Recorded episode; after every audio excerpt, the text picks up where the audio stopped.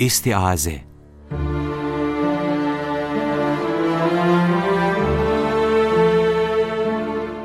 Hazreti Ayşe radıyallahu anha anlatıyor.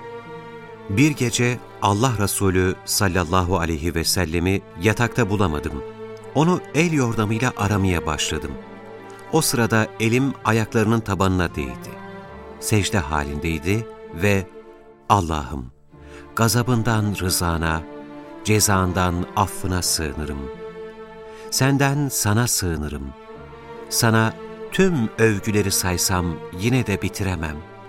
Sen kendini nasıl övdüysen öylesin diye dua ediyordu. İlk insan Hz. Adem ve diğer peygamberler de dahil tüm insanlar koruyucu ve yol gösterici bir varlığa ihtiyaç duyarlar. İnsanlık var olduğu sürece bu sığınma ihtiyacı da devam edecektir. Peygamberlerden örnek verecek olursak, Hz. Nuh, hakkında bilgisi olmayan şeyleri Rabbinden istemekten yine Rabbine sığınmış, Hz. Yusuf hem kendisine gayrimeşru bir birliktelik için ısrar eden hanıma, hem de kardeşlerinden gelen haksız bir uygulama teklifine maazallah Allah'a sığınırım demişti. Hz. Musa da kavmine karşı alaycı bir tavır takınarak cahillik etmekten, kendisini öldürmek isteyen Firavun gibi ahirete inanmayan kibirlilerden ve onların düşmanlıklarından Rabbi olan Allah'a sığınmıştı. Kendisinden Yüce Allah'a sığınmayı gerektirecek en büyük şey, şeytandır, şeytani fikirlerdir, şeytani uygulamalardır. Zira şeytan, her türlü kötülüğün, kötü niyetin, taşkınlığın, azgınlığın, çirkinliğin odağı ve kaynağı olarak görülmüştür. Mümin onun şerrinden Allah'a sığınmayı başarabilirse, kendisine gelecek kötülüklerin kaynağını kurutmuş olacaktır. Bu yüzden Allah, son elçisine de şeytandan korunmak için kendisine sığınmasını sık sık emretmiştir. Bu bağlamda Fatır suresinde, şüphesiz şeytan sizin için bir düşmandır denilmiş, Fussilet suresinde de eğer şeytandan gelen kötü bir düşünce seni ayartmaya çalışırsa hemen Allah'a sığın. Çünkü O hakkıyla işitendir, hakkıyla bilendir buyurulmuştur. Hatta yüce yaratıcı, muavvizetan olarak bilinen Felak ve Nas surelerinde, Resulünün ve onun şahsında tüm inananların şeytandan, şeytani telkinlerden ve davranışlardan kendisine sığınmalarını istemiştir. Allah Resulü, himaye talep eden bu özel sureleri okuyarak Allah'a sığınmayı prensip edinmiş, yatmadan önce kendisi mutlaka okuduğu gibi yakınlarına da Allah'a sığınmada okunacak en güzel dua olarak bu iki sureyi tavsiye etmişti. Çünkü Hz. Peygamber'in deyişiyle insanın içinde tıpkı bedenindeki kan gibi dolaşan şeytan, insanı özünden uzaklaştıran, onu kirli işlere, taşkınlığa, günaha sürükleyen bir aktördür. Her insanla birlikte var olan ve hiç kimsenin içinden atamayacağı bu kötülükten kurtulmanın yolu, onu da yaratan Rabbe sığınmaktır. Nitekim Allah Resulü, torunları için yaptığı duada, onları şeytanın kötülüklerinden koruması için Allah'ın iradesine sığınıyordu. Aynı zamanda Yüce Allah, Hz. Peygamber'e şeytandan olduğu gibi onun telkinleri neticesinde insanın sergileyebileceği olumsuz tutum ve davranışlardan da Rabbine sığınmasını tavsiye etmişti.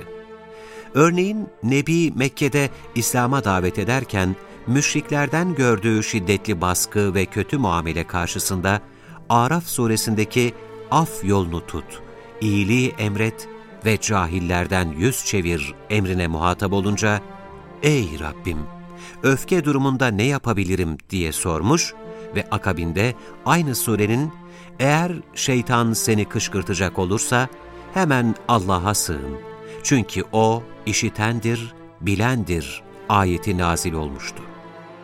Buna binaen sevgili Peygamberimiz çeşitli vesilelerle ashabına, onların nazarında tüm ümmetine, özellikle öfke anlarında hiddet telkin eden şeytandan Allah'a sığınmalarını öğütlemiş ve kovulmuş şeytandan Allah'a sığınırım manasındaki "Eûzü billahi mineşşeytanirracim" sözünü söylemelerini tavsiye etmişti.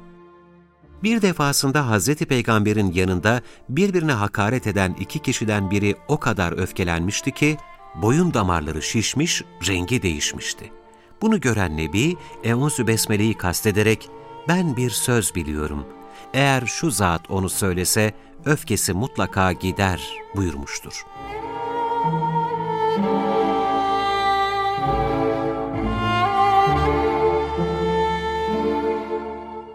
Öfkenin haricinde müminin şeytani vesveselere en çok maruz kaldığı durumlar, Allah'a kullukla meşgul olduğu anlardır.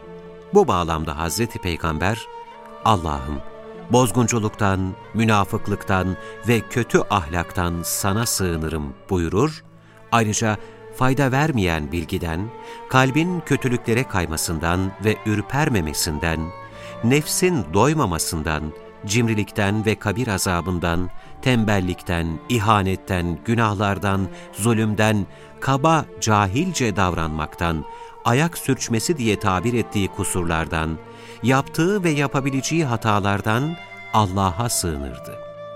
Aynı zamanda cehennemden, kıyamet günü darlığa düşmekten, Allah'ın azap ve gazabından yine Allah'a sığınan Peygamber Efendimiz, en çok da günaha girmekten ve borçtan Allah'a sığınmıştır. Nitekim bunu fark eden Hazreti Ayşe, ''Ey Allah'ın Resulü, borçtan ne kadar çok Allah'a sığınıyorsunuz?'' diye şaşkınlığını dile getirince Peygamberimiz, ''Borçlanan kimse konuşur ama yalan söyler, söz verir ama sözünü yerine getirmez.'' karşılığını vererek, bir taraftan da borç altında kalanların sergileyebileceği olumsuz davranışlara dikkat çekmiştir. Enes bin Malik de Resulullah'a hizmet ederken onun sık sık şöyle dediğini bildirmektedir. Allah'ım, sıkıntıdan, üzüntüden, borçların ağırlığından ve güç sahibi olan kişilerin haksızlığına uğramaktan sana sığınırım. Yine Hz. Ayşe validemiz, Peygamber Efendimizin bir gece secde halinde şöyle dua ettiğini bildirmiştir. Allah'ım, gazabından rızana, cezandan affına sığınırım. Senden sana sığınırım. Sana tüm övgüleri saysam yine de bitiremem. Sen kendini nasıl övdüysen öylesin. Rahman'dan yine Rahman'a sığınmayı ifade eden bu dua, Allah'a sığınmak için tek sebebin, insanın ahiret hayatını harap etmek isteyen şeytandan veya onun dostlarından gelecek telkinler ve kötülükler olmadığını göstermektedir.''